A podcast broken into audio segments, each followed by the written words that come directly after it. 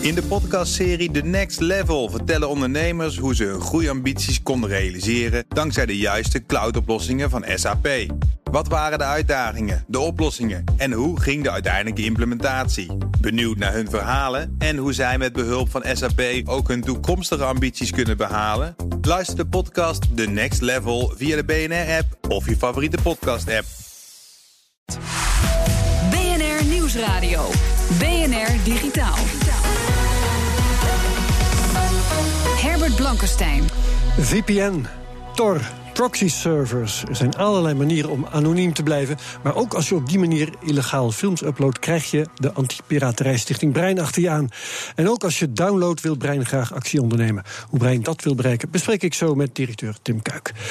Mijn backup is vandaag internetondernemer en start-up consultant Maarten Nijkens. Welkom. En we beginnen met het technieuws. Daarvoor is hier Ivan Verrips. Ivan, Hi. een volledig versleuteld web komt steeds dichterbij. Hoe? Dat is een uitspraak van eh, Let's Encrypt, een Amerikaans initiatief dat uitgifte en installatie van SSL-certificaten heel makkelijk wil maken. Als jij nu een website hebt en je wil graag dat er HTTPS voor komt te staan, eh, kan je een certificaat kopen bij een van de grote spelers. Bijvoorbeeld Symantec is een grote aanbieder daarvan. En dan weet de bezoeker dat je het echt bent. hè? En dan heb je, zeggen we voor leken, het slotje. En dan staat er tegenwoordig in Chrome staat er veilig. Dus dan eh, nou ja, eh, is de kans vrij groot dat je inderdaad contact hebt met degene met wie je hoopt en denkt contact te hebben. Ja. Ehm, maar er is dus ook een initiatief dat heet Let's Encrypt. Dat is eh, vorig jaar gelanceerd. Ze hebben nu al zo'n 21,7 miljoen certificaten uitgegeven. Die kan je dus zelf aanvragen via die website. Ehm, en eh, nou, de grote bedrijven als Apple, Google en Mozilla, bekend van Firefox, die accepteren Let's Encrypt nu. Dus die tonen die sites ook als veilig. Ehm, dus ja, dat is een interessante ontwikkeling. En het lijkt erop dat HTTP helemaal gaat verdwijnen. Je ziet dat steeds meer websites alleen maar HTTPS doen. Eh, ik geloof dat onlangs een paar dagen geleden de New York Times is omgegaan. Grote media, maar ook andere bedrijven. Dus eh, ja, eh, alles, wordt, dan nooit, S, hè? alles wordt secure. Ja, en dan weten wij dus beter eh, dat we ook zijn waar we denken dat we zijn. Precies. Ja. Apple repareert een accuprobleem met een software-update. Ja, vorige week hadden wij Ben van den Burg hier nog in de studio. Eh, die heeft zo'n hele nieuwe MacBook. Ben heeft altijd het allernieuwste van het nieuwste. En eh, er was toch wel wat te klagen, namelijk de batterij. Die eh, zou te snel leeglopen en die was ook onbetrouwbaar. Apple adverteert met 10 uur met de nieuwe MacBook. Nou, dat klinkt geweldig, maar allerlei tests gedaan. Onder andere door Consumer Reports. En ze zeiden ook van, dat klopt helemaal niet. Dat is veel te onbetrouwbaar. Nou, Ja. er is nu een software fix. Die is nog wel in beta, maar die moet dat probleem gaan oplossen. En volgens Apple lag het probleem in Safari, maar zou het alleen optreden wanneer gebruikers de cache-functie van de browser, dus van Safari, uitschakelden in het ontwikkelaarsmenu. Dus dan zou die continu alles opnieuw moeten laden. En dat zou dan een probleem Ja, leveren ja. bij de batterij. Nou, Oké. het zou kunnen. Eh, Consumer Reports die raden de MacBook mede om dit probleem af. Het was voor het eerst dat zij dus zo'n laptop van Apple afraden. Nu gaan ze hem opnieuw testen en we zullen de uitkomst daarvan afwachten. Wij houden het schip in de gaten. Luchtvaartmaatschappijen in de VS hoeven niet meer te waarschuwen voor de Galaxy Note 7. Het gevaar is geweken. Precies, het brandgevaar is geweken, explosiegevaar. Samsung zegt dat inmiddels eh, 96% van die toestellen eh, allemaal zijn teruggestuurd. En daarom heeft de FAA, de luchtvaartautoriteit, besloten dat het niet meer verplicht is om een bordje boven de eh, incheckbalie te hangen met als u een Samsung Galaxy Note 7 hebt, meld het dan bij ons. Want dan mag je denk ik niet mee. Ik weet niet precies wat er dan mee moest gebeuren. Eh, Samsung heeft heel veel moeite gedaan om die toestellen terug te krijgen. Onder andere hebben ze in december nog een update gepusht, waardoor je hem niet meer kan opladen. Nou ja, dan kom je niet zo ver meer. Eh, Waarschijnlijk waarschijnlijk even bij Apple in de leer. ja, nou, Ja. wellicht. Waarschijnlijk waren er ooit zo'n 2,5 miljoen van die toestellen in omloop. Eh, Maar goed, als er nu 96% ingeleverd is, dan zijn er altijd nog 100.000 ergens die nog zweven. Best wel veel. Ehm, in Nederland zijn volgens Samsung geen Galaxy Notes. Galaxy Note 7's in gebruik. Ik hoop wel dat er eentje achter is gebleven voor een museum ergens. Want er is toch wel een mooi verhaal rondom te Ja, vertellen ooit, ja. denk ik. Ik eh, las nog dat Sam- Samsung nu ook bezig is accu's te ontwikkelen voor elektrische auto's. Ja, dat las Daar ik zullen best wel veel grappen over circuleren. Als die maar niet in brand vliegen. Dankjewel, Ivan. BNR Nieuwsradio. BNR Digitaal. In 2016 haalde Antipiraterijstichting Brein 231 illegale diensten uit de lucht. Werden 26 grote uploaders aangepakt. En 2,5 miljoen zoekresultaten verwijderd uit Google. Ook in 2017 gaat, ook in 2017 gaat Brein de Red Race met illegale up- en eventueel ook wel downloaders aan. Ga ik over praten met Tim Kuik, de directeur van Brein. Hartelijk welkom. Ja, dank je. iTunes en Spotify en Netflix hebben, een, eh, hebben het heel toegankelijk gemaakt om eh, aan content te komen voor een klein bedrag legaal. Neemt de piraterij nu ook af? Uh, ja, je ziet bijvoorbeeld bij muziek dat de piraterij afneemt. Maar je ziet ook wel weer een verschuiving uh, uh, naar streamrippers. dat dus consumenten content willen rippen van een streaming site, met name YouTube. Gewoon door een opnameapparaat aan te zetten en die opname dan later weer te verspreiden. Is dat nou, nee, dat is een stukje software die dan mogelijk maakt om die stream te rippen en dan kun je het opslaan. Ja, ja, ja, ja. En uh, die verspreiding die zien jullie dan uh, later elders weer terug? Uh, dat zou kunnen. Um, we zien niet dat dit soort streamrippers op het ogenblik in Nederland gehost worden. mocht dat wel het geval worden, dan zullen we dan stappen ondernemen. Ja, ja. Um, 231 illegale diensten opgerold. Um, is in al die gevallen ook een dader gegrepen? Nee, zeker niet. Uh, heel veel van deze diensten, of de, deze diensten weten waarmee ze bezig zijn, dat dat uh, illegaal is waarmee ze mhm. bezig zijn. En ze doen er dus ook alles aan om zich anoniem te houden. Ja, dat lukt dus ook soms. Dat lukt zeker. In het merendeel van de gevallen lukt dat ook wel. Hoe lukt ze dat? Ehm, nou ja, door hun identiteit niet prijs te geven. Ja, dat begrijp ik. Maar wat voor technieken gebruiken ze daarvoor? Um, ze betalen uh, met name anoniem voor de diensten die ze krijgen. En daardoor kun je op een ah. gegeven moment geen identiteit koppelen. Uh, dus ze, hebben een, ze gebruiken een allianz. Uh, nou, dat, onder, dat zou kunnen. Ja, maar je kunt ook op andere manieren kun je, kun je anoniem betalen. En daardoor kunnen we dan de niet de geldstroom zeg maar, naar de dader volgen. Follow the money. Um, ik begrijp dat sommige van die diensten gewoon geld verdienen met advertenties. Is adverteren op zo'n dienst eigenlijk illegaal? Uh, nou, het is wel zo. Daar kun je, daar kun je hele bomen over opzetten. Nou uh, ik denk dat op het, het is moment... niet illegaal, zover ik weet. Hè? Want het gaat uh, veelal gewoon via veilingsites waar een bekend merk op kan inkopen. En die weet dan niet eens zozeer waar die op terecht komt. Dat klopt. Dus, dus het is niet illegaal als je daar ineens dan terecht op zou kunnen komen. Nee, uh, maar het is natuurlijk wel onwenselijk. Hè, omdat je dan helpt een geldstroom op, op gang te houden naar een illegale aanbieder. Mits het een illegale aanbieder is. En daar is natuurlijk heel vaak discussie over of het een illegale aanbieder is, ja of nee. Nou, bij ons niet hoor. Nee, bij u niet, dat begrijp ik. Maar uw missie is ook heel duidelijk. Maar in het algemeen, uh, nou ja, we hebben hier ook nog een jurist uh, hier staan. Uh, er zijn er genoeg sites waarvan u zegt dat ze illegaal zijn, dat ze natuurlijk nog niet illegaal verklaard zijn door een rechter. Nee, maar dat, is natuurlijk een misverstand om, te, om te denken dat iets alleen maar illegaal is als een rechter dat gezegd heeft. Nou, rechter, die zijn maar in ieder geval, het is denk ik ook een misverstand om te zeggen dat iets illegaal is als Stichting Brein dat zegt. Nou, wij kijken daar zorgvuldig naar. En op het moment dat mensen tegen de wet handelen, zijn ze onrechtmatig bezig. En dat is illegaal. En dat is heel erg simpel. Uh, wij gaan die discussie ook aan. Simpel, met die... Want, uh, volgens mij zijn er nog tegen aantal rechtszaken die nu nog steeds gevoerd worden in hoger beroep uh, over dit soort zaken. Zoals nee. onder andere de Pirate Bay.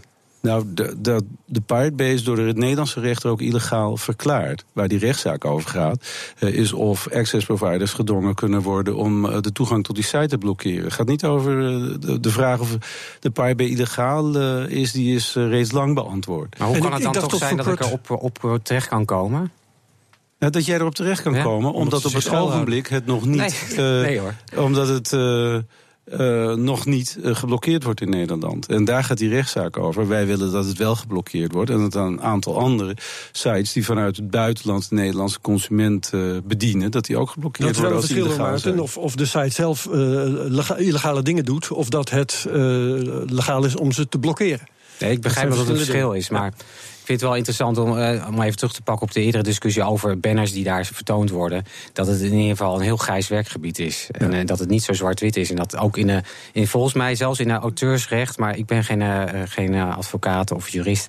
Ook zelfs daar nog heel veel discussies over zijn van wat nou illegaal downloaden is, ja of nee. Dus nee, dat, is, dat heb je toch echt onjuist. Kom een keer langs, dan leg ik het haar fijn uit. Nou, ik, is, dat, dat, is mij zo verteld door een advocaat die er vrij veel van af weet. Dus maar ja, nu wil ik graag verder met uh, dingen die ik wilde vragen. Um, want jullie willen voor je werk de medewerking van uh, uh, VPN's, Virtual Private Networks. Dat zijn, dat zijn manieren om voor uploaders om zich schuil te houden. aanbieders van cyberlockers, waar bestanden in kunnen worden opgeborgen, waar anderen ze dan weer uit kunnen halen. Wat voor medewerking zoeken jullie precies? Ehm, nou, wij zoeken in ieder geval medewerking bij aanbieders, bij providers uh, van dienst. Uh, dat zij op zijn minst een, uh, een, een notice and takedown hebben. Um, die zo efficiënt is dat die de aanwas van illegaal aanbod kan volgen. dus als jij zaken wil doen op het internet, dan is dat prima. Je moet, maar je moet een goed werkend notice and takedown beleid hebben om ervoor te zorgen dat je businessmodel niet gebaseerd is op illegaal aanbod. Ja. En ja, ehm, eh, als er providers zijn die daar niet aan meewerken, dan eh, beginnen we inderdaad rechtszaken tegen die providers om dat wel te bewerkstelligen. Bijvoorbeeld tegen bulletproof hosters. Wat zijn dat? Nou, bulletproof hosters, dat, is dan, dat gaat over een hosting provider. Dus dat uh, de, die diensten, die, die, het dienst op het internet, die worden weer gehost bij zo'n hosting provider. En sommige hosting providers die zeggen van ja, wij zijn een bulletproof hosting provider. En dat betekent dat wij ons aan God nog gebod storen. Bij ons mag alles wij kijken niet wat u doet en we geven ook nooit uw identiteit prijs. Daar profileren ze zich ook mee. Daar profileren ze zich mee. En uh, dat heeft een aanzuigende werking op allerlei illegale activiteiten. Jullie halen uh, overtreders van, van uh, de auteurswet van YouTube, Marktplaats, nieuwsgroepen. Google, die 2,5 miljoen resultaten. Was het alleen Google trouwens? Of laten jullie ook Microsoft met Bing en andere zoekmachines? Nee, het is met name Google, want dat is toch wel de markt. Zeg maar. Wat uh, voor mij best wel een beetje een verrassing was, uh, ook Facebook-groepen hebben jullie buiten gevecht gesteld. Ja. Die hebben dan een paar duizendjes, begint er zelfs breed te glimlachen nu, valt mij op. um, Een Facebookgroep, dat, ja, dat is een, een groep gelijkgestemden die uh, iets gezamenlijk doet. In dit geval uh, wisselden ze dan uh, waarschijnlijk via zo'n cyberlocker bestanden uit. Hè? Ja, de, ja, met name ging het om boeken in deze ja. gevallen. Wanneer heb je het dan nog over openbaarmaking in de zin van de auteurswet? Hè? Dat dat dus echt tegen het. Je kunt. En wanneer is het een uitwisseling die te vergelijken is met cassettes op het schoolplein? Um, nou ja, als dat illegale cassettes zijn op het school, schoolplein. Zeggen, waarschijnlijk. Ja, nou, ik denk dat uitwisselen he, van uh, cassettes die je hebt uh, opgenomen, dat, dat, dat, is, dat is in principe niet toegestaan. Mm -hmm. op het moment dat er natuurlijk op één op één dingen gebeurt en binnen je gezin enzovoort, dan daar krijgt verder geen haan naar. Daar gaat het ook niet om. Maar het gaat om het breed ter beschikking stellen van illegale kopieën van films, van games, van boeken, van muziek, van ja. uh, televisieseries enzovoort. Um, dus wanneer dat eigenlijk voor uh, een, een, een, ja, het publiek beschikbaar is. Um, dan, uh, dan treden wij daar tegen op. Ja, ja en dat is van bij Facebook uh, inderdaad gelukt. Um, tot nu toe werden downloaders ontzien. Uh, nu willen jullie ook het illegaal downloaden aanpakken. Hoe wil je dat gaan doen? Nou, wij willen, we willen daar gedragsverandering veroorzaken. En dat willen we doen via voorlichting. Uh, en dat betekent dat wij uh, IP-adressen opzoeken van accounts uh, via welke inbreuk wordt gemaakt. En dat we die IP-adressen dan ter beschikking stellen aan de consumenten internetproviders, die dan een ja, een waarschuwing kunnen sturen aan die accounthouder dat er uh, via die account inbreuk uh, gemaakt wordt en hoe ze dat kunnen voorkomen en waar ze terecht gaan, kunnen gaan voor legaal providers dat doen? Dat denk ik wel, want het staat in hun uh, leveringsvoorwaarden ook dat ze dat zullen doen. Uh, oh ja? Uh, ja, je mag geen inbreuk maken. En als zij melding krijgen, dan brengen ze jou daarvan op de hoogte hè, van onrechtmatige oh, activiteiten. Het was mij niet bekend dat dat in leveringsvoorwaarden stond. Ja, dat, maar, okay. dat, dat, staat erin. Um, dus in principe zou dat volgens hun leveringsvoorwaarden zijn. We hebben daar ook over gesproken met de autoriteit persoonsgegevens. En die heeft aanbevolen dat we dan afspraken maken over de verwerking van die persoonsgegevens van, uh, met uh, ISP's. Want wij willen niet de identiteit hebben van die gebruikers. Nee, maar je moet anoniem. afspraken maken met, met de internet service providers. Ja. Wanneer ga je dat doen? Um, we, er is, het voornemen is, uh, en het voorstel is om dat te doen uh, via de ECP uh, en het platform Internetveiligheid. Dat is een internetplatform voor de samenleving, dat ook door de overheid gesponsord wordt. En daarbinnen kun je dus overleggen. En dat gaan we doen. Bedankt Tim Kuik, directeur van Brein. Zometeen laten we zien hoe de Locky ransomware werkt. BNR Nieuwsradio. BNR Digitaal. We hebben het vaak over ransomware. IDG laat in een filmpje zien hoe de bekende ransomware malware Locky werkt. Redacteur Ivan Verrips, die keek mee. Ransomware is iets wat je overkomt, of eigenlijk liever niet. Een van de bekendste vormen van ransomware is Locky. Dat komt tot je via een bijlage bij een vaak slecht geschreven mailtje. The invalid account number had been specified. Well, all right. Please be guided by Please be guided by instructions in the attachment to fix it up. I'm about to do something you should never do, which is open this attachment and run the file. And I feel really horrible now that it. I mean, they couldn't even put in the effort to make me want to do this. Right. But dat demonstreert IDG in een filmpje. In de zip-file in de bijlage zit een JavaScript-bestand dat voor het gemak in een folder wordt gezet waar ook allerlei andere bestanden staan. In een ander venster zien we een ingeplugde USB-stick. Here on your right, this is our attached storage. Here on your left, this is our local document folder. So watch. You're going to click it. You're going to open it. We're not going to touch the computer at all. We're just going to watch. Bam. All gone. De bestanden zijn verdwenen in minder dan één minuut. Een afbeelding opent met daarin wat er aan de hand is en hoe dit probleem te fixen is met handige linkjes naar Wikipedia voor als je niet precies weet wat RSA en AES inhouden. Very helpful with these Wikipedia links too that they I know, offer you, right? so you can get a little background. A little background on what it is and what's going on, and then of course it automatically opened my browser for me, mm -hmm. and it shows me that. Oh, en die afbeelding met instructies die wordt ook gelijk als je achtergrond ingesteld. Wel zo handig. De instructies vertellen je om via Tor naar een bepaalde website te gaan. This is the address that's been set up for folks who've been infected to go and try to find out what yep. they need to do to recover their machine. So when you load this up, it uh, tells you it's the Lockheed Decryptor mm-hmm. page. Mm-hmm. And what happens is it gives you all the instructions you need to buy bitcoins, how to get bitcoins. And it gives you the address wallet you need to send payment to, mm-hmm. which is right there. It also tells you how much you owe. Three bitcoins. Ter vergelijking, één bitcoin is nu zo'n 820 dollar waard. Duur grapje om je eigen bestanden terug te krijgen. IDG vertelt wat je moet doen als je dit op je werk tegenkomt. Go to your IT department. Do not be afraid to go to your IT department because nobody in IT is going to hold this against you and it's not really your fault. You're a victim.